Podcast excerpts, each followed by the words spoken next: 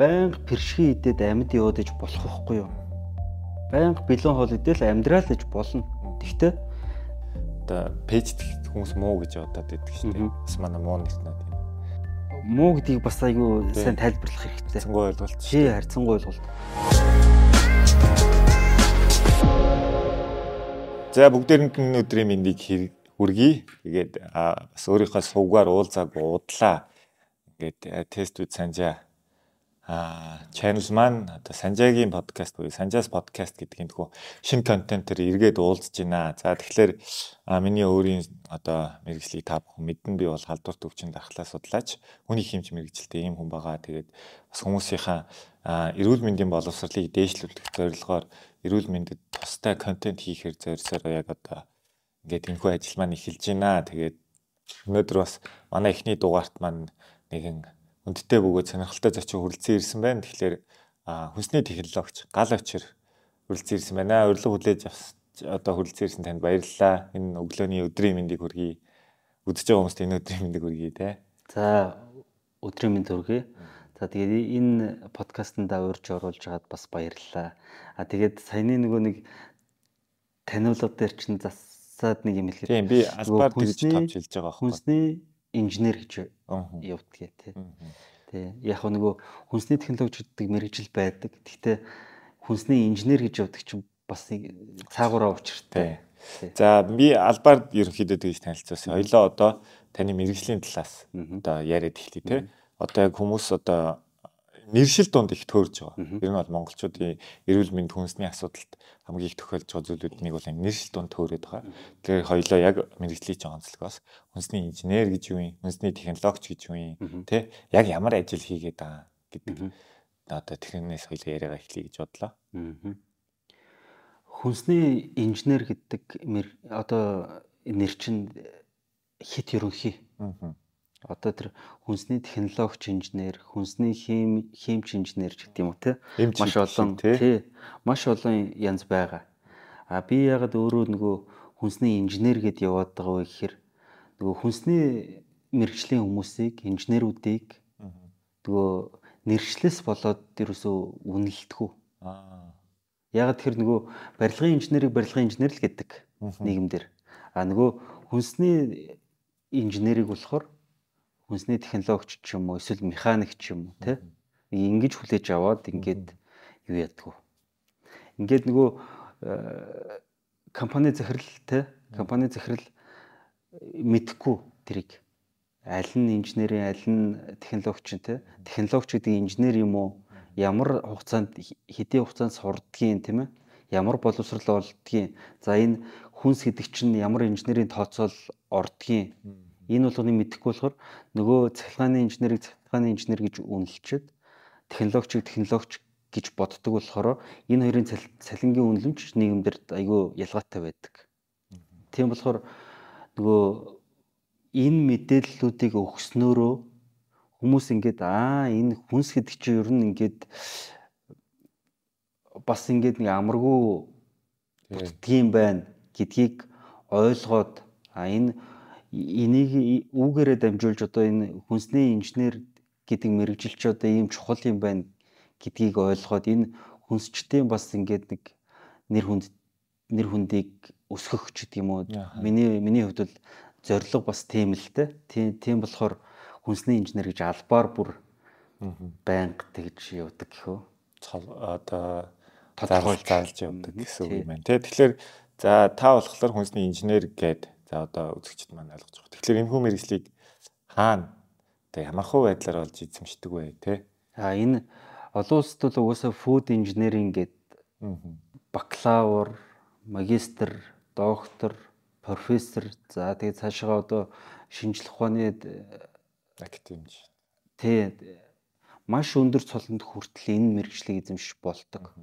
Тий энүүгээрээ ч гэсэн харагдана энэ ямар чухал ямар том шинжлэх ухаан байдаг вэ гэдэг нь. Яг тэр хүнс гэдэг чинь ерөөсөө л биднийг амьд явуултал амьд явуулж хагаад хамгийн гол хөшүүрэг тийм ээ.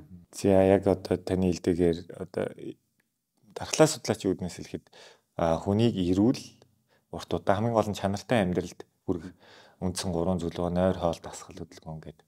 Хүн өөрөө анханасаа байглаасаа ерөнхийдөө хөдөлж их хөдөлгөхийн тулд энергитэй байх, энергитэй байхын тулд хоол хүнсээ хэрэгжилж их. Энерги нөхөхийн тулд дуудчих гэсэн үндсэн юм гурван функц буюу үйл ажиллагаатай.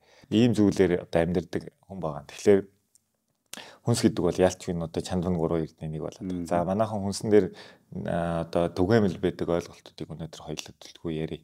Буруу ойлголтууд ч байгаа, зөв ойлголтууд ч байгаа. Өгсөн ойлголтууд ч байгаа, олж авсан ойлголтууд ч байгаа. За тэгэхээр хамгийн наазах нь одоо хийж исэн ундын ундааны талаар хоёул. Ялангуяа коло. Коло маань ард түмний дунд жоох муу нэртэй. За хүүхдүүдийг маш муу нэртэй. Тий. Хүүхдүүдийн ясыг сэргийжүүлнэ. Чи тийм донтоолнаа чи тийм. За энэ бол одоо кафентэй бүтээгдэхүүн. Кафен бол баг зэргийн донтолд үүсгдэг бол аль хэдийн хүмүүс хүлээн зөвшөөрсөн. Судалгаа нь гараад ирсэн байна. Аа тэгвэл яг яаж ясны сэргийлэлт үүсгээд байгаа? Яаж хүний биед муугаар нөлөөлөд байгаа?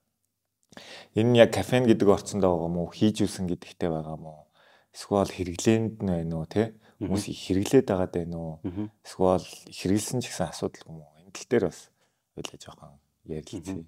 Донтолтын тухайд бол за кофе нөлөж болно. Кофе ч өөрөө нөгөө цорын ганц сэтгэцэд нөлөөлөх тийм нэгдэл واخгүй юу?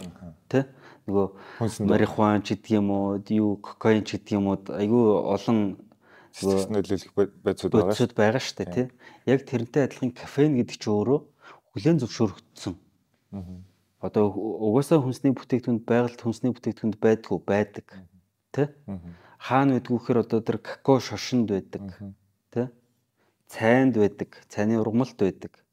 Чи өөрөө нөгөө байгальд угаасаа байдаг болохоор тэгээд нөгөө сэтгцэд нөлөөлөд байгаа нөгөө амар хүчтэй биш гэхдээ ингээд сэрэх мэдрэмж өгдөг болохоор тэр донтуулах мэдрэмж өгдөг гэж болно. Гэхдээ тэрнээс илүү нөгөө сахарын төмөсч дончдөг байхгүй. Тэ? Гой амтанд дончдөг. Тэгэхээр нөгөө донтуулах гэдэг байгаа үйлчлэгийн кафеныг би жоохон өмөрчлөө л доо тий. Угаасаа өмөр мөр байдгийг тий. Сахарын амтанд илүү донтоод байна уу гэж хардгийг.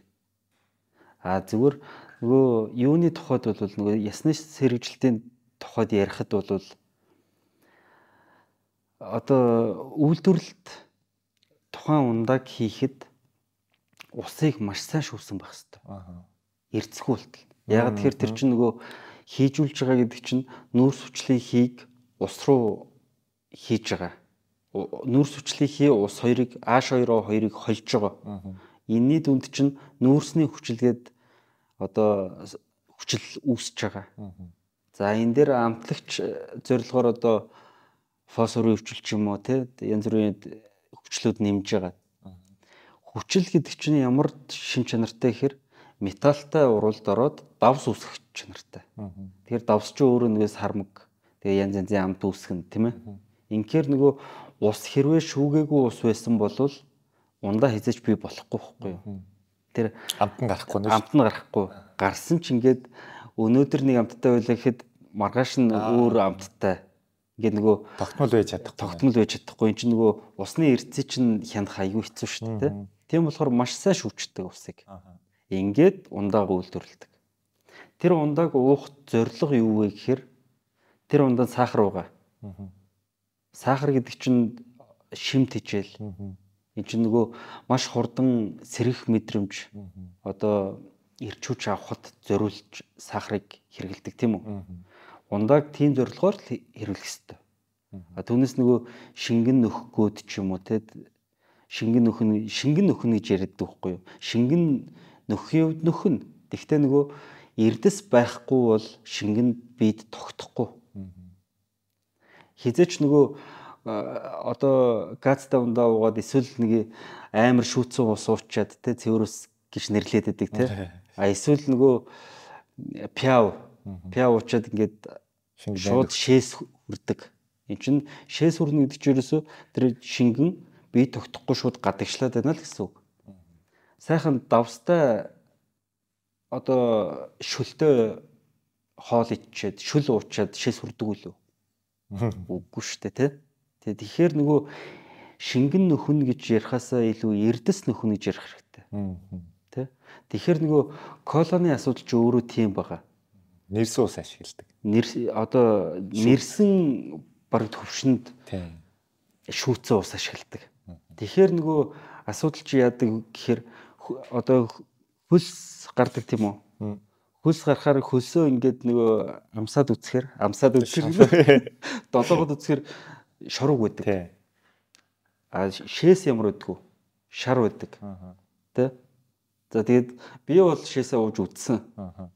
Бас л шорог байдаг. Аа. Эн чинь өөрөө яаж юм хэр эрдэсгүй ус уусан ч биеэс эрдэстэй болж л гарна. Энэ бид чинь байгаад нэг жоохон эрдэсийг уусгаал гарна гэсэн үг. Ус өөрөө татдаг штеп. Тэ? Усаар уусах. Тэ? Тэгэхээр нөгөө э, биеэс эрдэсийг гадагшлуулаад байх тусам чинь ясны чи эрдэсээр гэж хүү. Тэгэлгүй яхаа. Тэ? Энд чинь өөрөө нөгөө энгийн логик гоц үг нь. Тийм. Тэ, Яг уу энэ бол яг одоо нөгөө нэг шинжлэх ухааны нарийн тайлбар. А яг уу хүмүүст айгүй энгийн би нэг таны мэдхүүн талаас нэг юм уу нэг сонирхолтой зүйл байна. Кафен гэдэг байгаа бодис маань яг үндэ биднэрт ирч хүч өгдөг. Зүгээр бидний ядралтыг хойшлуулд юм байл л дээ. А кафен өөрөө очоод за би аль болох энгийн үгээр тайлбарлах хичээ. Одоо хүний э, тархинд мэдрэлийн эсвүүдэд байгаа. Одоо ингээд ихэнх одоо үйл ажиллагаа маань юм хо- хоёр бодисын холбогдлолтоор явагддаг гэдгийг ойлгочиход энэ одоо нэг хоёр бодис холбогдохоор хүн за амрах цаг болжээ гэдэг тархинд мэдээлэл ирдэг байна. А тэгвэл кафен яадаг вэ гэхэлэр амрах гэдэг дохионы өмнөр ороод амрах болоогүй шүү ядраагүй шүү чи гэдэг дохиог өгчдөг оронд нь суучдаг баг. Тэгэхээр кафен хэрэгэлсэн хүн яг хөө 2-3 цаг зүгээр л ядрах нойр хөрөх мэдрэмж нь ингээд ухарж идэг. Тэрнээс яг очоод кафен өөрөө одоо юу гэдэг нүүрс ус шиг гэдэг юм уу те. Өөрөөр хэлбэл нөгөө нэг болох ёстой юм болдгороо болж байгаа зүр тэр мэдрэмжийг Хойшлуулж байгаа. Тийм, хойшлуулж байгаа гэсэн. Одоо нөгөө эн чин нөгөө нэг шаардлагатай эсрэг гэдэг нэг баахан бүтээгдэхүүнүүд дээ штэ. Яг энэ бас яг энэ нөгөө шаардлагат нь бид явагдаад байдаг мөртлөө нөгөө шаардж байгаа ингээд нөгөө таагүй мэдрэмжийг нь ингээд Зүгээр л хаагаа ич. хаагаад байдаг тий. Түүнээс нөгөө тэрийг тэр бэлтгэлийг уулаа гэд энэ шарталт зүгээр болоод шарталт явагдахгүйгээр одоо тэр хордолт явагдахгүй гэсэн үг бол ерөөсөө биш байхгүй тий. Одоо тэр илэг хамгаалах хамгаалах гэдэг зүйл. За тэрийг яг дараа ярь. Тэгээд яг судлаачд болохоор яг ясны сэргийлэлт коло хоёрын ялангуяа одоо хийж үсэн ундаа хоёрын холбоос нэлээд янз янзаар судалж үзсэн байгаа юм л да. Тэгээд ерөнхийдөө саяных бол яг хамгийн одоо юу гэдгийг дэлгэрэнгүй хариулт. Аа зөвөр энгийнээр болохоор их үедээ юу гэж тайлбарлаж ирсэн бэ? Тэгэхээр бид нар чинь ингээд одоо яг ус уугаад ч юм уу те ямар нэг эрдэс бодистой бүтээгдэхүүн тэрглэх ёстой өдөрт а тэрнийхээ оронд л ундаа уугаад байгаа. Тэгэхээр чи мэдээж энийгээ уухгүй энийг нь их уугадахаар энэ л ихсэн шүү дээ. Тэгээ ингээд бид нэр сүүч юм уу суугаад нэг тэндээсээ жоохон кальц маг нь авах хэрэгтэй. Тэр нь ингээд бидний ясанд ингээд очиод одоо нэг ясны бүх бат бүх байдлыг хангах хэрэгтэй. Тэгэхгүй тэрийг авахгүй ингээд нэг гэдэг чинь хамгийн энгийн хариу ухаанаар ойлгоход тэр авах хэрэгтэй авахгүй байхлаар мэдээж сэргийлт үүсэх одоо нөхцөл бүрдэн эрсдэлт одоо эрсдэлт хүчин зүйл болно гэсэн. Ийм энгийнээр тайлбарлаж байгаа сүүлд бас энэ яг ясны сэргийлт хийж үсэн онд хоёрын холбоосыг бас ясан судалгаанууд гарсан юм байлаа. За тэгэхээр одоо манай сонсогчд маань магадгүй залуу хүмүүс сонсч ивэл тэ ээждээ очиод тэ за ээжсэн ундаа чи ийм биш яг үндэ колондо биш юм биш үү гэдэг юм уу тэ. Цаана усандаа байт юм шүү. Бид нар усаа ингэж хэрэглэх ёстой юм биш үү? Гэдэг энэ ойлголтуудыг хамгийн гол нь аваасай. Одоо яг ус гэдэг маань Кола кола бас уу гэсэн үг энэ ч бас биш үхгүй юу? Тэ? Энэ кола уугаад ирцэн нөхгүй юм байна. Тийм болохоор одоо ирцэн алдах аюултай. Тэгэхдээ нөгөө э, ядарсан үедээ тэ ирчүүч хэрэг болсон үедээ кола уух хэвээр. Энд чинь нөгөө ирцэн хэрэгцээ энерги хэрэгцээ чинь аль аль нь хүнд байдаг. Тий. Тийм тийм болохоор аль алийг аль алийг нь тохиромжтой тохируулаад хэрэглээл явах л хэрэгтэй. Өнөөдрийн бит хоёрын ярианаас бас хүмүүс маань хамгийн гол нь тэрийг ойлгож аваасаа гэж би бодож байна. Юмны зохистой хэрэглээ гэдэг бол хамгийн чухал. Тэрнээс нэг юм одоо одоо хамгийн муу гэсэн үг биш. А нэг юм бол одоо бүх юмны аврал хамгийн сайхан юм гэсэн үг биш гэдэг энэ ойлголтыг л би түгээмээр байгаа. За яг энэ сэдв дотор дараагийн бидний ярих асуудал болохоор хонсон хоол, халаах. За тэгэхээр цаашлбал нөгөө нэг фаст фуд буюу түргэн хоол тий. Эдгээр маань яг одоо бас нөгөө манай алдарт муу нэртэй юмнууд. За хоол халааж идэх муу юм уу гэхээр тэнд одоо хүмүүс болохоор айгүй хүчтэй химийн процесс яваад байна гэж ойлгоод байгаа шүү. За эндээ соёлоо халууруул нөгөө нэг химийн урал гэдэг яриаар угаач оръё тий. Хүмүүс манай одоо химийн юу яадаг штэ ингээд нөгөө ямарваа нэг юмыг муу гэд орхичих айгүй амархан байдаг. Тий. Тэгэл амархан байдаг. Тэгээ хайчдаг. Тэгээ нөгөө илт бензин тайлбарч хэрэггүй. За угаасаа муу гэд. А энийг өмөрнө гэдэг чинь бүр нилээ их ажил. Маш маш их ажил. Яг тэр өмөрнө өмгөөлнө гэдэг чинь өөрөө тэргээд яг таг судлах хэвээр мэдэх хэвээр маш их ажил болдог. Энийг юусоо нөгөө зарим нэг буруу мэдээлэл тараадаг хүмүүс төдийлөө ойлгодгүй тийм ээ. Тэгэхээр яг нөгөө хонсон хоол а энэ номоо нэрээ дуурсах дуурсахчээд бэлэгцээ ирсэн тий. Хонсон хоол гэд нэрлсэн. Аха. Тий. За тэгээд номоо дуурсахчаад за тэгээд ярилцээ тий. Аха. За ингээд хонсон хоол гэдгийг нөгөө хүмүүс чинь ингээд нөгөө жоохон наагур харагддаг. Аха. Наагур нөгөө орой хоолоо ичээд Тэгээд барахгүй бол маргааш нэдхийг л хонсоо ол гэж ойлгодог шүү дээ. Тэр одоо хонсоо болов хонсоо ол. Тэ. Тэгтээ нөгөө ягаад хонсон хоол гэж нэрлэх болов гэхээр нэгдүгээрт хоолыг тааруулж их хэвээр. Хонуулахгүй байх хэвээр. Хонуулвал эрсдэлтэй юу эрсдэлтэй. Аа. Одоо айл айл гэрийн эзэгтэй хүн дийлэн хийдэх бах те нэг хоолоо. Тэгтээ нөгөө зөкстэй хэрэглээд гэдэг хаанаас үүсэх вэ гэхээр тэр айл гэрийн эзэгтэд нөхрийнхөө иддэг хэмжээг мэддэг байх хэвээр. Хүүхдүүдийнхээ иддэг хэмжээг мэддэг байх хэвээр. Нөгөө гой хоол хийгээд эсвэл нөгөө одоо цовын хийхээр үлддэггүй ч юм уу эсвэл одоо бууз хийхээр үлддэггүй ч юм уу эсвэл нөгөө шүлтэй хоол хийхээр үлдчихдэг ч юм уу ийм байж юусо болохгүй. Яг тааруулж хийгээд аягных нь хэмжээ ямар юм те яг эндээ идээд ингээд болох ёстой тэгхгүйгээр нөгөө манай нэг гаргадаг алдаа юу гэхээр хоол хийчдэг таалагдахгүй л идэхгүй ширээн дээр хайчдаг Эсвэл плетикэн дээр тэр чигт нь үлдээ чинь маргааш өглөө нөгөөдгөө халаагаад иддэг. Нөгөө э, гэрийн хэвийн температур чинь 20-с 25 градус байгаа. 25 градусд бактери яаж үржих вэ? Нэмэх 25 градусд. А тэрийг хэрвээ үлдсэн болвол хөрөгчин тийвэл хөрөгчин нэг 0-оос нэг нэмэх 8 8 градусын хооронд л байгаа. Үсрээл 8 градус. 8 градусд ямар бактериуд хэдийн хугацаанд өрчих үү гэдэг чинь өөрөө маш ялгаатай ойлголт. Тийм тэгэхээр нөгөө хэрвээ 25 градусд хоолоо хонуулчаад гаднаас эмгэг төрөгч бактери тэр хоолнд орж ирээд ямар нэгэн байдлаар орж ирээд үрччихвэл маргааш шууд хоолны хортлох болно. Амнасаа алдах ч аюултай энэ эрсдэл байдаг байхгүй чи түнс нөгөө хонсон хоол болгоноос хордно гэсэн асуудал байхгүй. Эрсдэл байгаад байна. За тэгээд нөгөө өхүүлчихгүй ч гэсэн тэр болон бактериуд үржигдсэн байгаад өхүүлэхгүй ч гэсэн хор үүсгэсэн. Эний чи өөрөө нөгөө цаашаагаад илэгч хоргоожүүлэх гээл бас л нэмэлт ажил бол. нэмэлт ажил бол. Тий. Тэгэхээр нөгөө нэгдүгээр хоолыг хонуулахгүй байх хэрэгтэй юм байна. Тааруулж хийгээд сурчна гэдэг чинь чинь гэр бүлдээд гаргаж байгаа зөкстэй хэрэглээг одоо хөвшүүлнэ гэдэг чинь гэр бүлийн одоо тэр хүүхдэд боловсрал суулгана. Тий гэр бүлийн бүх гишүүд боловсрал суулгаж байгаа. За хоёрдугаар зайлшгүй хонуулж хэрэглэх шаардлага байна уу? Байна. Маргааш аялалтын унаа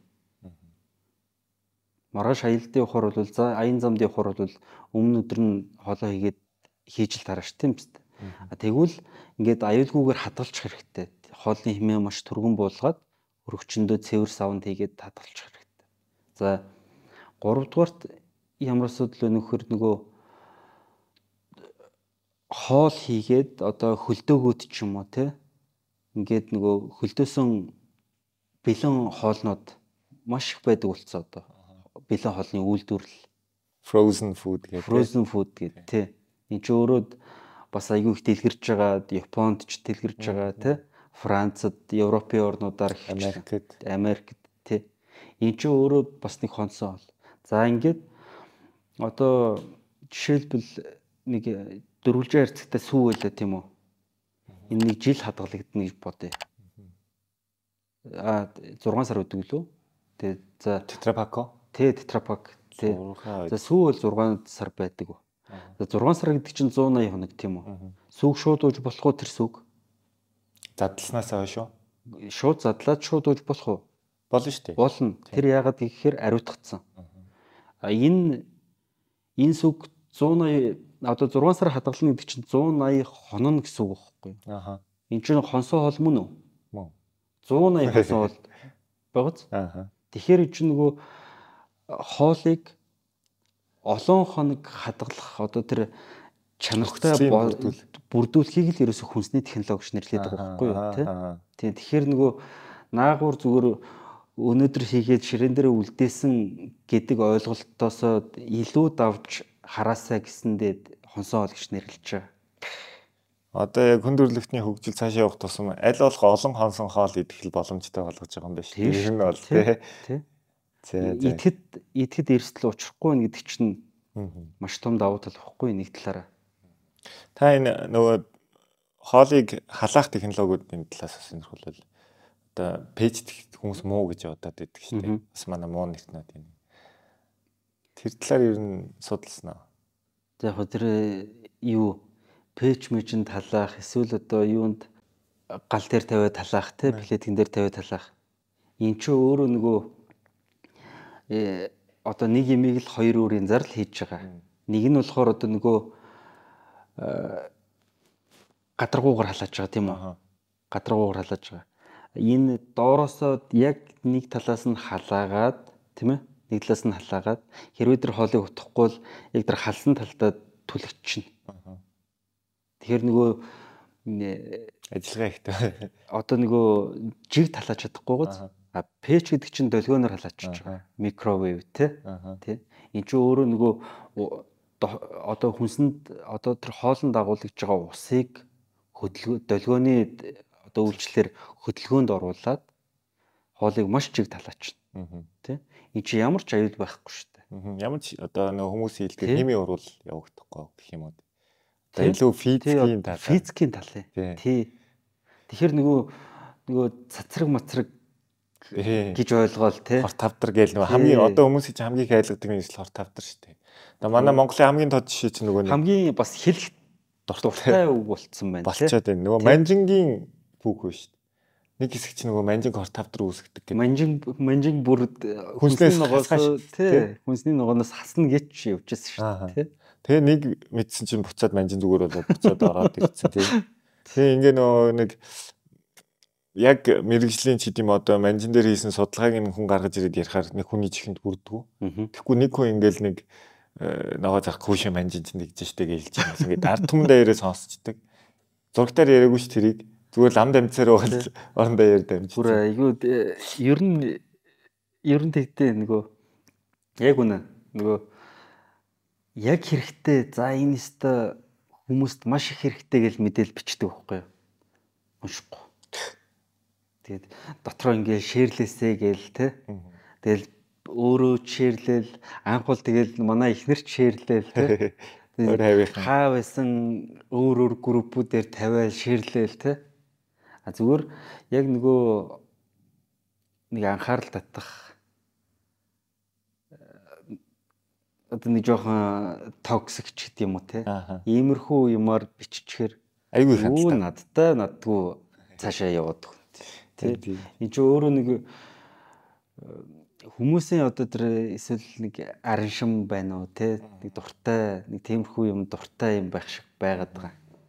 Зүгээр одоо болохоор миний хувьд бол уншдаг хүмүүс аягүй ихтэй болцсон.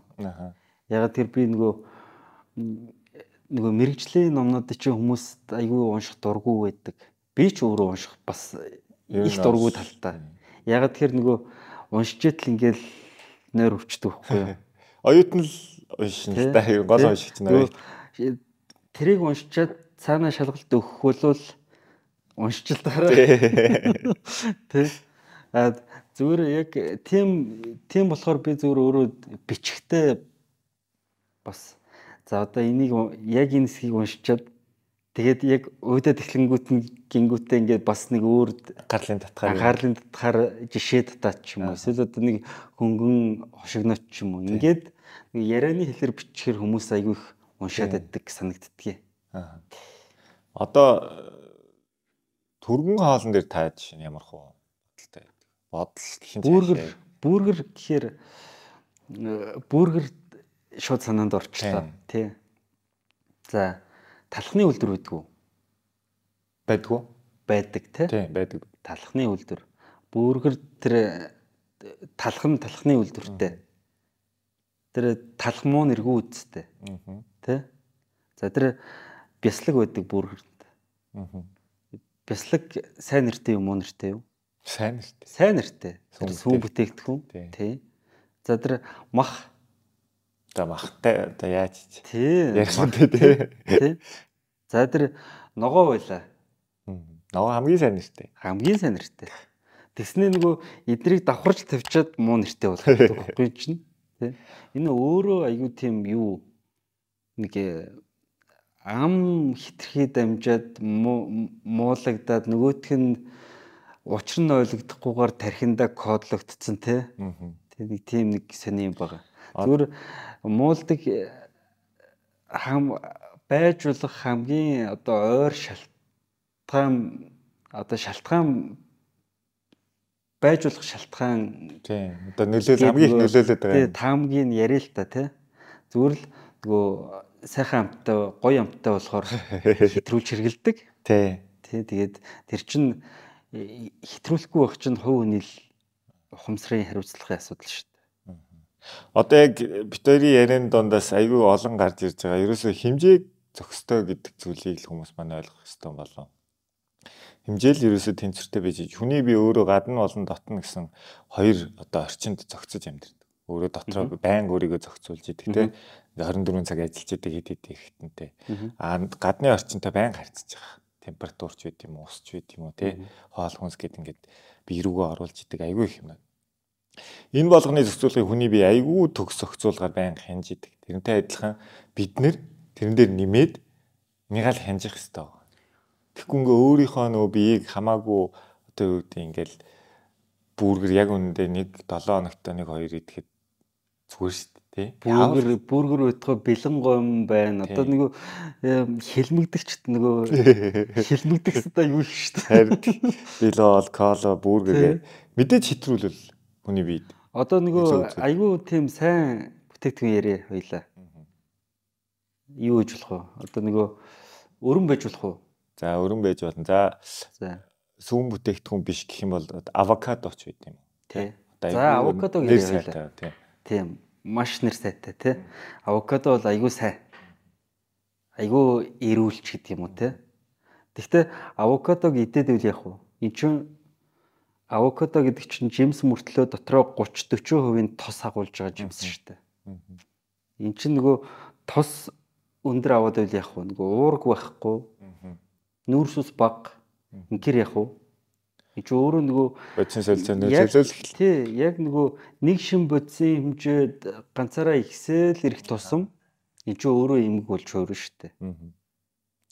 Тэгэхээр нөгөө балансыг л барих хэрэгтэй. Тий одоо нөгөө өрмийг маш сайн гээл те тэгэл тэрийг идээдэл тос штэ мах маш сайн гээл нүүрс ус баба гурил баба гээл те тэнгүүтээ нөгөө кето дэглэм гээл ингээл нөгөө мах л идээд байдаг. Эн чин махны хэтэрсэн хэрэглээ чин одоо олон улсын олон улсын хавдар судлалын агентлаг гэж байдаг. Олон улсын хавдар судлалын агентлаг дэлхийн эрүүл мэндийн байгууллагын харьяан дор ажилладаг тий энэ агентлаг ингээд хор тавдар үүсгэж бодисуудыг ингээд гурван бүлэгт хувааж үздэг. Нэгд нь хор тавдар үүсгдэг нь нотлогдсон одоо хор тавдар үүсгэж мөн за хоёрт нь хор тавдар үүсгдэг байх магадлалтай. Гуравт нь одоо магадгүй гэд тэ. Эн чинь дотроо бас ингээд нөгөө бас нарийн тодорхойлолттой. Махны хитэрсэн хэрэглээ нэгдүгээр бүлэгт явдаг. Хор тавдар үүсэх эрсдэлтэй эрсдэлт хүчин зүйл гэж ярьсан хоёлоо зөв болоо. Яг үүсгэгч гэдэг бас жоохон ташуу ойлголт. Тий, эрсдэлт хүчин зүйл гэж яг нэгдүгээр бүлэгт ангилж явдаг.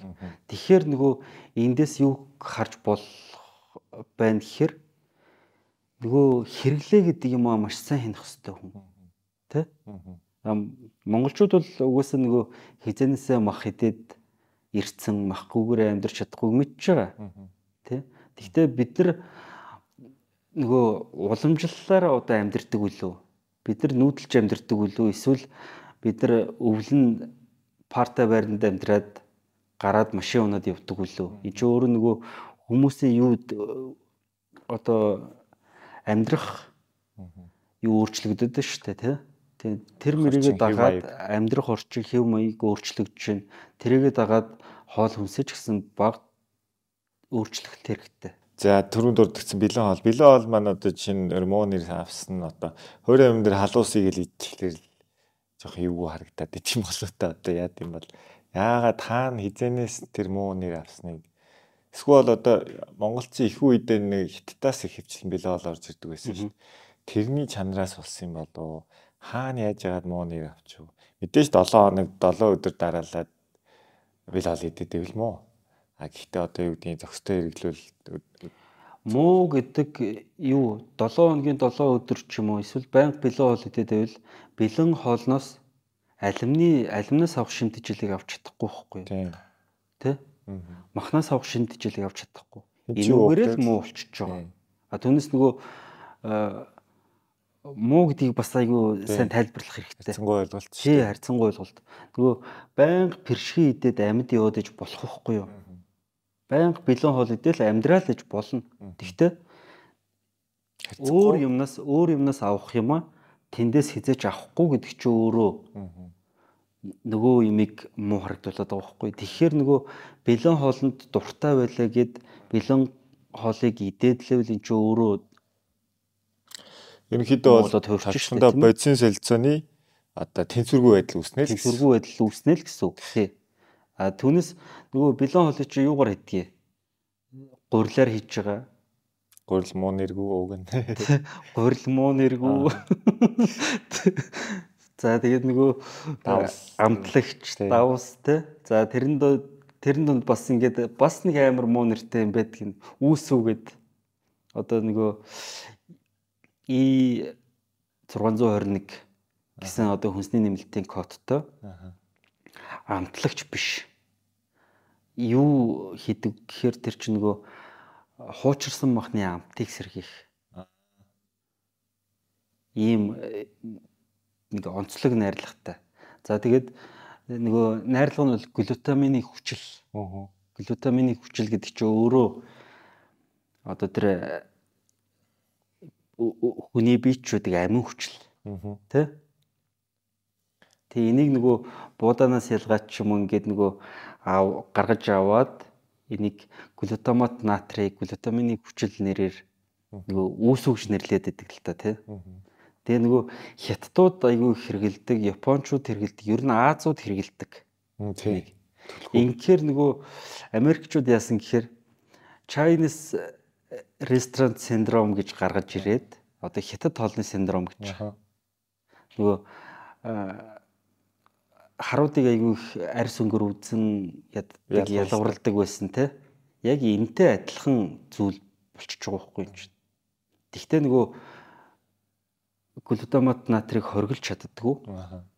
Хүнсний л нотолж чадахгүй. Нөгөө хортой муу гэдгийг нотолж чадахгүй. Тэ.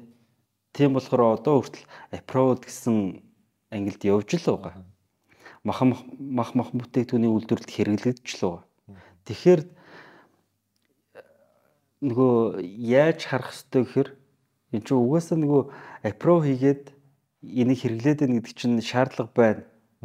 А тэр хортойг нотолж чадахгүй байна. Зүгээр аман үгээр энэ хортой шүүгээд хэлчих шиг амрах юм байхгүй шүү дээ. Гэтэ бас яг нөө түрүүний ярьдаг манжин шиг нэг тгээ хэлчихлээр айгүй урд нь тарчаад байгаа тий. Таны хэлснээр муу гэж хэлэх амархан. Муугийн өмөр хэцүү гэдэг. Тэгэхээр ерөнхийн хүнсэн дээр хүмүүс бас яг мэдээлэлтэй, мэдлэгтэй одоо яг хэрэгтэй зүйлээ олж авдаг л байх хэрэгтэй байна. Тэгэхгүй хүний үгээр яваад тахлаар ерөнхийдөө энд бол яг байгалийн шинжилх ухааны за тэр дундаа химийн химийн хичээлийн суур ойлголт маш сайн байх хэрэгтэй. Тэ 10 жилтэн суур ойлголтуудыг маш сайн тавиад өгчих хэрэгтэй. Зөвхөн онол заагаад биш. Амьдрал дээр жишээн дээр амьдрал дээр хүнсэн дээр тэ юун дээр ямар урвал яаж болдгийг гэдгийг одоо э, Америкт бол тэ Японд бол хүүхдүүд химийн урвал явуулж байгаа ч тэ туршилт явуулж жишээ. Лаборатори маягаар хичээлдэг. Лаборатори маягаар хичээлдэг. Мэлхийг задлж байгаа жишээтэй. Тэ? Мэлхийг задлж чинь гэдэг чинь наана ингээд нэг амар амтан алаад юу гэдэг юм шиг харагдав чинь чи өөрөө хүүхэд нэг харсан юм а хизэж мартдаггүй байхгүй? Тэ? Тэр ходоодных нь байрлал. Тэр гидснийх нь байрлал. Хүүхдэд үлдэнэ. Эн чинь хоол ингэж боловсрд юм байна гэдгийг өөрийнхөө юутай төсөөлж харна гэдэг чинь маш чухал байхгүй юу? Боловсрал ингэж явах хэвээр. Тэгэхэд өнөөдөр яаж юм тэгэхээр химийн багшгүй сургуулиуд зөндөө болчихлоо шүү дээ. Энэ амар харамсалтай. Тэгээд нөгөө багш бэлтгэдэг багшийн сургуульд нь химийн багш болохоор зорж байгаа элсэгч ордгоо.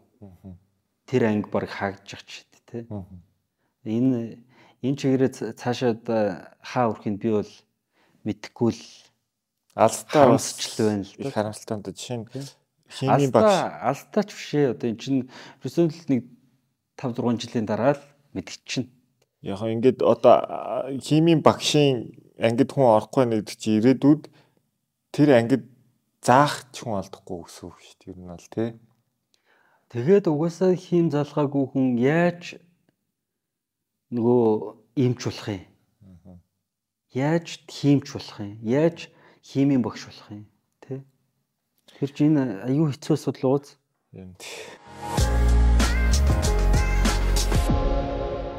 Сая хоёлоо ярьжсэн яриагаа үргэлжлүүлэхэд одоо хүнсний инженер маань одоо бид нар яг өдөр тутамд хэрэгжилж байгаа хүнсний бүтээгдэхүүн хоол ундны аль хэсэгт нь анхаарч ажилладаг юм бэ?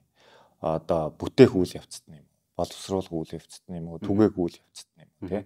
Аль хэсэгт нь яаж хамгийн гол одоо чимхлүүр ажлууд нь явд юм энэ талаараа та бас жоохон дэлгэрэнгүй яриад үл за яг мэрэгжлийн яг хийдэг чиглэлийг ярил. Бүтээгдэхүүн хөгжүүлэлт. Хамгийн эхлээд нөгөө бүтээгдэхүүн гэдгийг бий болгоно тий бий болгоход одоо тухайн бүтээгдэхүүнд ямар орц үндсэн төвхийдүүд орох юм? За тэгээд тэр тэр бүтээгдэхүүнүүд хоорондоо яаж зохицох юм? Эсвэл зохицохгүй бол яаж зохицуулах юм те?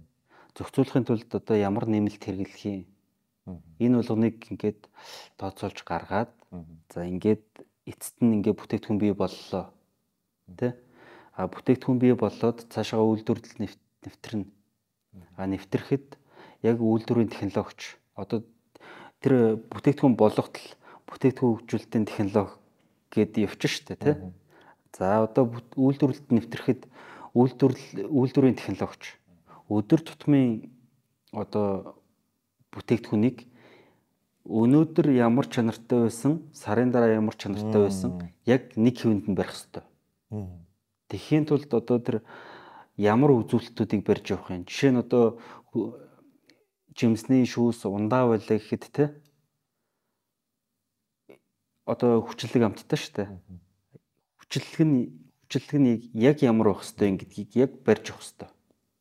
Одоо лабораторийг ашиглаад тийм ээ шинжилгээний аргуудыг ашиглаад тэгэхгүй нөгөө энэ усанд тэдэн халбах сахар хийгээд тэдэн грамм сахар хийгээд тэдэн грамм хүчил хийгээд энэ ундаа бэлэн болно гэсэн үг бол ерөөсөө биш. Ягаад тэр энэ усны найрлага ч өөрөө өөр өөр байх боломжтой. Тийм болохоор тэрийг бүгдийг нөгөө технологич зохицуулж явж байдаг. Тэгэхээр чинь ингэчээч нөгөө бүтээгдэхүүн бий болдог байх нь тий. За альва одоо бүтээгдэхүүн одоо сая таны хэлснээр үүсч зохион бүтээгдээд те одоо хүний гар дээр очих шат дамжлага болгоно тодорхой стандарт гэж байдаг. Тэгэхээр энэхүү стандартыг мэдээж хангаж идэг хүмүүс гэж бол ойлгохоор байна. А гэхдээ энэ стандарт нэг газраас гарч байгаа.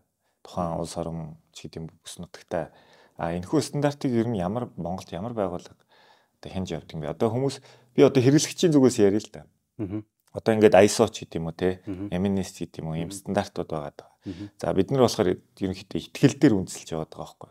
Энэ одоо органик ч гэдэг юм уу энэ натурал энэ стандартын дагуу гэж бүтээгдэхүүн гараад идэх бид нар аа за шашхан дээр нь ч юм уу те? Эсвэл реклам дээр нь стандарт юм байна. Хүний бие сайн юм байна гэдэл ингээд сонсчдөг. Гэтэ эний чинь одоо юу гэдэг аа банк одоо эмнэлэг дээр бол ингэж ярьдаг. Гадаад дотоод хяналт гэж байдаг байхгүй байгууллага дотроо байнга хяналт хөтлж явж идэг. А давхар бас одоо үүдээ улсаас ч гэдэг юм уу те олон улсаас ч гэдэг юм уу хянж идэг юм стандартуудыг хоёлынгийн барьж явдаг. Тэрнтэй адилхан үндсэн дээр үндсэн дээр одоо яг юм стандартууд мэдээж байгаа. А энийг яг хэн хангаж хэн хянаж явах юм бэ? Бид нар яг за би юунд итгээд яваад хий хоосон зүйлд итгээд байна уу гэсэн. Энийг хариулахын өмнө нэг тань мэдхүүн бас нэг юм яриа те. Стандарт стандарт гэж байдаг те. ISO, HACCP за тэгээд MNS ч юм уу эсвэл FSSC гэл маш олон стандарт байгаа. Стандарт гэдэг үл тэгээд улс болгон өөрт хүнчин болохоор нөгөө өөрөө өөртөө эвтэхнэр хийхийг л зорино шүү дээ тийм ээ. Тий. Яг л ингэж ойлгох хэрэгтэй. Тий. Энийг нөгөө тухайн үйл ажиллагаанд баримт бичих болгоод цаашаага мөрдөөд явдгийг стандарт гэж байгаа. Одоо хасап гэдээ яриад байдаг шүү дээ нөгөө хүнсний бүтээгдэхүүн дэр хасап гэж биччихээд манай хасап стандарт нэвтрүүлсэн гэдэг. А энэ ойлголтуудыг ерөөсөө стандарт гэдэг ойлголтуудыг нэг амар хэцүүгээр ойлгох ерөөсөө хэрэггүй. Хэрэггүй. Энд чинь өөрөө нөгөө хасап гэдэг чинь экзектэй цагийн хяналт, critical control point гэж байгаа тийм.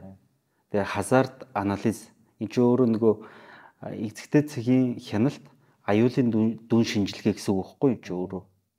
Тэгэхээр ерөөсөө нэг нэг цөв хий. Нэг цөв хий. За цөв хийхдээ одоо яг нөгөө түүхийдээ худалдаж авна. Гурилаа худалдаж авна, махаа авна. Тэгтээ худалдаж авахдаа үнэлдэг тийм үү? Энэ шин мах мөн үү?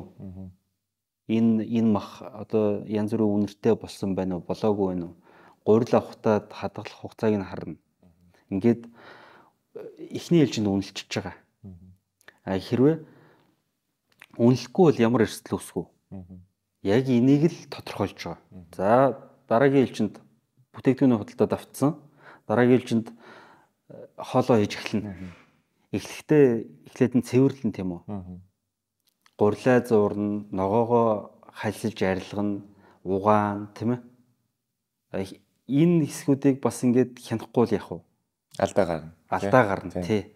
Ингээд нөгөө эцсийн цөвнгийн чанарт хаана аль шатанд ямар алдаа гарч болох вэ гэдгийг л ерөөсөө бүгдийг урьдчилан тооцоолоод за тэрийг яаж засах вэ?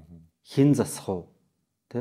Магадгүй ингээд э, нөгөө ногоогоо хэрчиж хагаад гараа эсгчихийг одоо гараа эсгэж одоо эрсдэл үүсэх болно тий. Инхээр нөгөө энэ эрсдэл болгоныг тооцсон байдаг. Тэр стандарт гэдэг чинь өөрөө. Тэгэхээр эн чинь өөрөө нөгөө цаа талдаа хэрэглэгч хэрэглэхэд аюулгүй юм байна. А нөгөө компанид бас маш их ашигтай. Хэрэглэгчдэд одоо товчоор бол таалагдах зүйл гаргаж ийна л гэсэн үг. Таалагдах зүйл нэг талдаа гаргаж байгаа. Нөгөө талдаа бүх юмыг өөртөө эрсдлээ хянаад явцдаг болохоор компани гологдол бүтээгдэхүүн гаргахгүй. Энэ гологдол гаргаад тусам хаягдл гаргаад тусам компанид санхүүгийн хувьд ашиггүй шүү дээ. Инхээр аль алиндаа ашигтай маш сайн зүйл стандарт гэдэг бол. Ингийн үгээр бол ерөөсөө л одоо дундаж гэх юм уу те наа захын хүнд таалагдах тав тухтай байх. Энэ л одоо орчин одоо энэ л одоо зохион байгуулалтыг үүсгэж байгаа юм гэж энгийнээр л хүмүүсийг ойлгосоо гэж хүсэж байна л да. Тэгээд юу нөгөө нэр маань сүртэй хүчтэй ингээл энэ стандартыг даг энэ стандартаар байхгүй болохгүй гэдэг айц төрөх тусам эргээд одоо ингээд одоо хүнд хүрэхтэй нөлөөлөд идэг л юм л. Тэрийг тэрийг хий хийх ёстой гэхээр манайх хасаап нэвтрүүлсэн бол үйлдвэрлэгчтэй манайх хасаап нэвтрүүлсэн бол манайх хасаап гэдгээ тайлбарлаж өгөх ёстой. Аа. Тэ? Аа. Тэгэхгүй нөгөө энгийн хэрэглэгч өөрөө мэдээгээд ингээд явж явах шаардлага тэтгэрд байхгүй шүү дээ. Тэ? Хэрэглэгчийн буруу биш тий, тий. Тий, хэрэглэгчийн ирэх байхгүй юу? Үйлдвэрлэгчийн үүрэг чинь.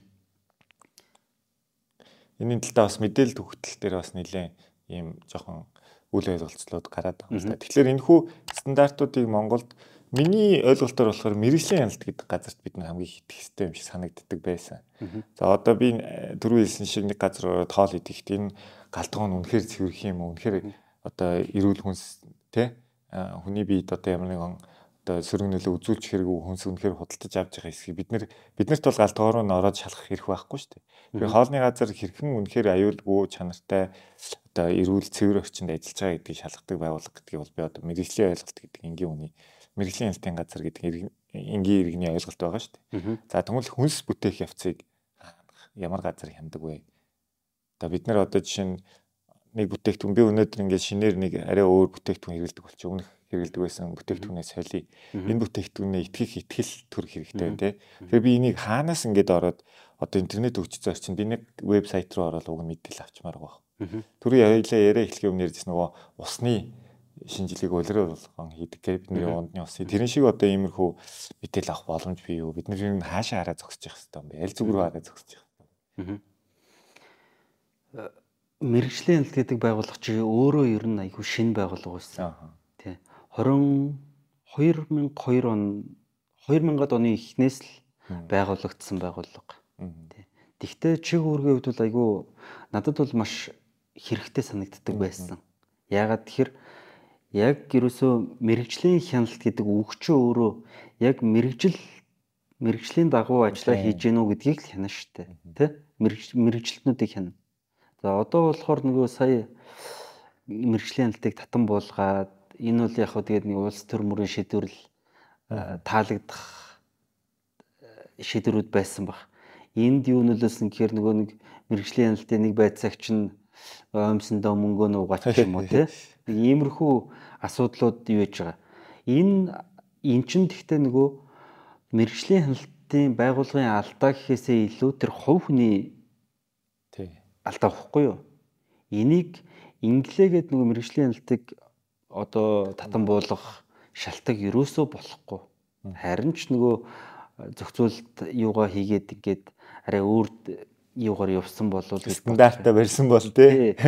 А одоо болохоор яаж байгаа гэхээр мэрэгжлийн хэлтийг татан болгочаад тэгээд хүнсний үйлдвэрүүд бол хин хаанаас ирж шалгах бол гэж нэг хэсэг бодож ирсэн. Аа. Тэ.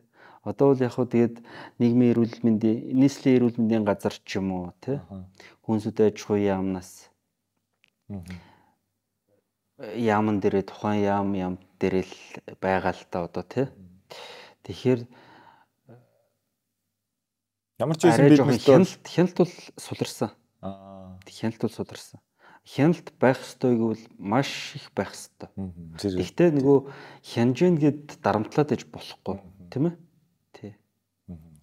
За одоо бид нэр ямар ч үс итгэж болох юм бэ хүнсэндээ. А гэхдээ за манай зочныг хүмүүс маань хүнсний инженер гэж Facebook дээр пэйж байгаа. Тэгээд ороод постуудыг унших юм бол яг одоо энэ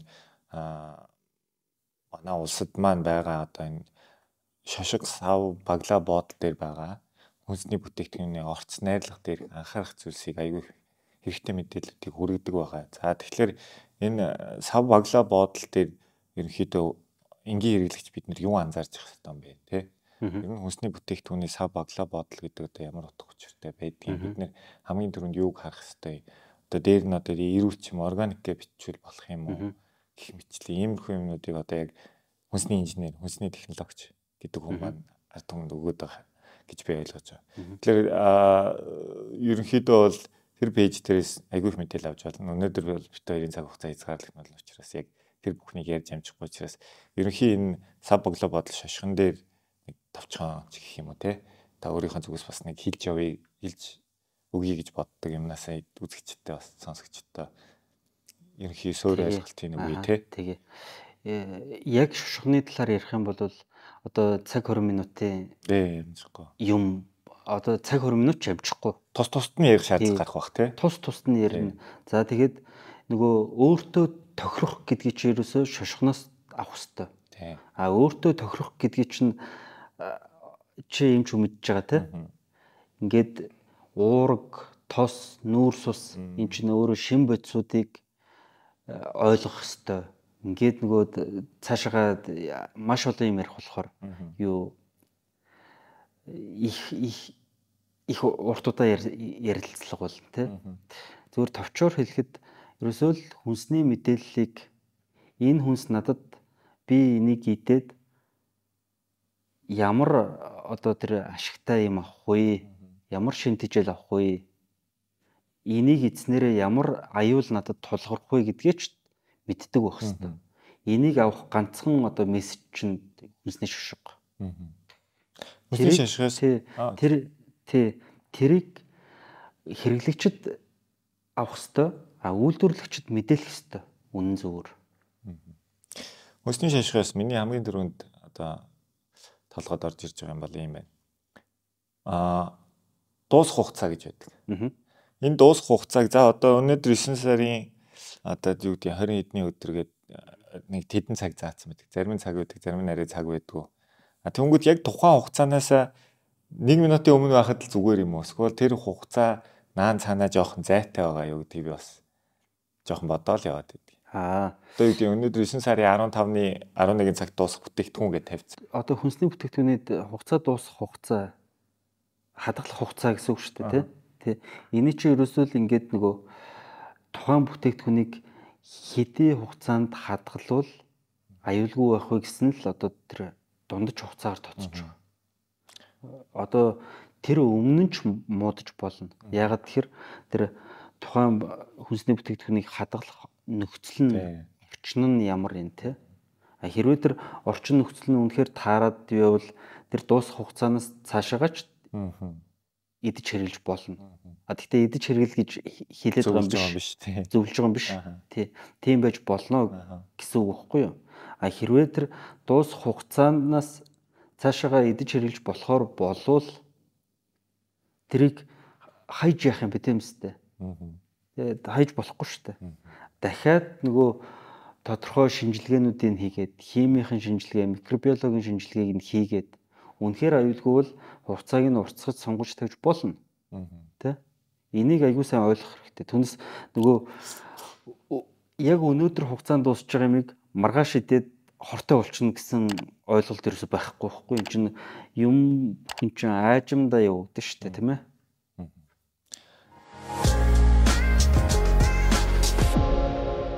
Алкогол хүнсэнд ордгоо штэ. Аха. Тэ. Тэг хэрэглээ гэдэг спирт. Тэ. Спирт гэдэг чинь өөрөө хүнс биш. Тэр хүнсний тухай хуулиараа ч тэр химийн бодисынхоо тодорхойлолтоороо ч тэр яаж ч үсэн хүнсэнд орохгүй. Нөгөө Монголд болохоор яаж төөрдөг гэхээр хүнсний дэлгүүрт хуулиа зөрчиж одоо зараад идэг, зарагддаг болохоор энийг одоо хүүхдүүд бол хүнс гэж л ойлгож өсөж байгаа. Хүнсний дэлгүүрт байгаа учраас. Хүнсний дэлгүүрт байгаа учраас. А тэр Америк ч юм уу, Европ ч юм уу те liquor store гэх тустай дэлгүүр байгаа. Тустай дэлгүүр байгаа. Тэр дотор арх зарагддаг, тамхи зарагддаг.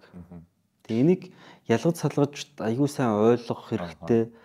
Бүр болж өгвөл тэр хүнсний үйлдвэрлэл гэж явдаг үйлдвэрүүд нь тусгай хэрэгцээт тусгай зорилтод бүтээгдэхүүний үйлдвэрлэл гэдэг малгай зүүх хэрэгтэй, нэршил авах хэрэгтэй, тэр тусдаа дэлгүүртэн зарах хэрэгтэй, тий? За энэ бас нэлээд томор системчлэгдэн яригдах шаардлагатай зүйлүүдийн нэг баг.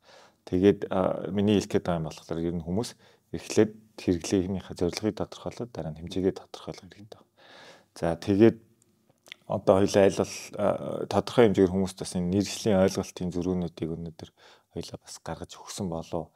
Тэгээд бит хоёрын яриа бас цаашаа нэлээ үргэлжлүүл үргэлжлэхээр байна. Тэгээд бас гал очир инженерийг дараа эргээд цаг заван тааруул бас ахаад ярилцах одоо боломж гарах болов уу гэж найдаж байна. Тэгээд ер нь манай подкаст хойштоо энэ ойлголтын зүрхнүүд дээр л би илүү их ажиллая гэж бодож байна. Энэ мэдл мэдлэгийн зүрхийг ажиллахыг гэж айгүй хичээж байна. За тэгээд та өөрийнхөө зүгээс яг хэрэглэгчд, үйлдвэрлэгчд хоёрын хооронд гардаг хамгийн их түгээмэл одоо misconception буюу ойлголтын зүрхийг Тэгээ сүүлийн хэдэн минутыг бас танд үлдээ гэж бодлоо. Та яг энэ дээр хүмүүс маань жоохон анхаарчаасаа нэг ойлгоод авчаасаа тий гэдэг энийг битгий хэтрүүлэн ойлгоосоо тий хитийдүүлэн ойлгоосоо гэдэг нэг сүүлийн хэдэн минутыг бас танд үлдээе. За баярлаа. За тэгээд ер нь ярих сэдв бол айгүй их байна л та тий ярихыг хүсэж байгаа ярьж амжаагүй юм бол бас маш их байгаа Тийм болохоор дараа дараагийн урилгач бас ирээд ирээд оролцохдоо бас айгүй таатай байх болно нэгдүгürt. За хоёрдугаарт сүүлд нь гээд нэг амар нэг юм онцлоод олон юм ирээд юугүй. Зүр хүн юунаас айдаггүй гэхээр тухайн юмыг мэдэхгүй байвал хүн л айдаг. Хүн айдаг. Мэдхгүйгээс л айдаг. Хэрвээ мэдчихвэл тэр чинь айх бодхоо тэрийг тоохчихгүй. Угаас нөгөө тэрийг аюултай байсан ч нөгөө э, шийдэх арга замаа мэд ухамсарлаж байгаа юм чинь бодохгүйгээр шийдээд ивчих боломжтой. Тийм болохоор эхлээд нь сайн мэдэх хэрэгтэй байна. Тэгээ мэдсэн тохиолдолд сайхан идэх хэрэгтэй байна. Тэ? За тэгээд би бас төгсөлд нэг юм нэмээд хэлгээд хүний бие гэдэг өөрөө бас гайхалтай тогтолцоо. Дасан цогцох чадвар айгүй өндөр. За тэгээ бидний амьдралын хэм маяг маш уртцтайгаар өөрчлөгдөж байна. Бидний орчин тойроо өөрчлөгдөж байна. Цаг агуур хүртэл өөрчлөгдөж байна. Энэ бүхэнд хүний бие ер нь бол дасаа зөгцөөд явдаг. Тэгээ бидний хэрэглээ өөрчлөгдөх тусам биднэрт бас одоо бидний эргүүлээд үзүүлэх биеийн хариу урвалууд бас одоо жоохон хэвийн бос болдог ийм уууд байна. Гэхдээ ерөнхийдөө яванда хүн бол идж байгаа хоолндоо хүнсэндээ хэрглэж байгаа юмдаа ер нь бол цаг хугацааны ихэнд бол дасаад явдаг. Тийм учраас хүмүүс энэ гарч байгаа өөрчлөлтийг бас хит амраар хүлээж авах шаардлагагүй болов. Мэдээж хүн эрүүл мэндэд анхаарна. Аль болох зөв зохистой хэрэглээтэй байхыг хичээнэ. Гэхдээ бас хитрхи их зарим зүйлд одоо айдас төрүүлээд те хитрхи их зарим зүйлсийг буруу шагаад эсвэл хитрхи их зарим заримыг өргөмжлөөд ингээд явах бас хэрэггүй болов уу гэж би бас хувийнхаа зүгээс хүмүүст зөвлөмөр байна. Тэгээд бас комент хэсэгт та бүхэн яг энэ хүнс эрүүл ах уу талаас одоо яг комент хэсэг та бүхэн одоо энэ хүнс эрүүл ахуй талаас одоо энийг илүү ойлгочмоор байна. Ингэж яриад ах юм аа. Энэ үний юм уу, зөв юм уу? Энтлийн хүнийг оруулж өгөөч гэсэн сэтгэлтэй бас та бүхний үлдээх баха гэж бодож байна. Тэгээд бид нэр дараа дараагийнхаа дугаараар бас яг та бүхний ойлголтуудыг цэгцлэх. Би ч гэсэн өөрөө бас мэдэхгүй зүйлээ мэрэгжлийн хүмүүстэй ярилцж олж авч мэдэх зорилгоор дараагийнхаа дугааруудыг бэлтгэхийг хичээх болно. Тэгээд бидэнтэй хамт байгаараа өнөөдөр өглөө хүлээн авсан гал очир инженертэй бас дахиад баярлалаа гэдгээ хэлье. Ажлын өндөр амжилт хүсье. Тэгээд Монгол хүн бүхэндээ бас эрүүл энхийг хүсье. За баярлалаа. Бүгдэнд нь эрүүл энхийг хүсье. Танай хамт олонд бас амжилт хүсье. За баярлалаа. Тэгээд эхний дугаарт оролцсондоо бас аягүй их баяртай байна. Баярлалаа сугад. Одоо ингээ эхний дугаар маш чухал цаашдаа хүмүүс маань хэрэг чих тавих чих тавих вэ гэдэг бас шийдэл. Тэгээд ийм чухал дугаартаа тэгээд урьж оролцуулсанд маш их баярлалаа. Өглөө хүлээн авсанд баярлалаа. Би бас таныг үгүй гэх уу гэж бодож ирсэн тий. За дараагийнхаа дугаараар уулзтлаа баяр таа.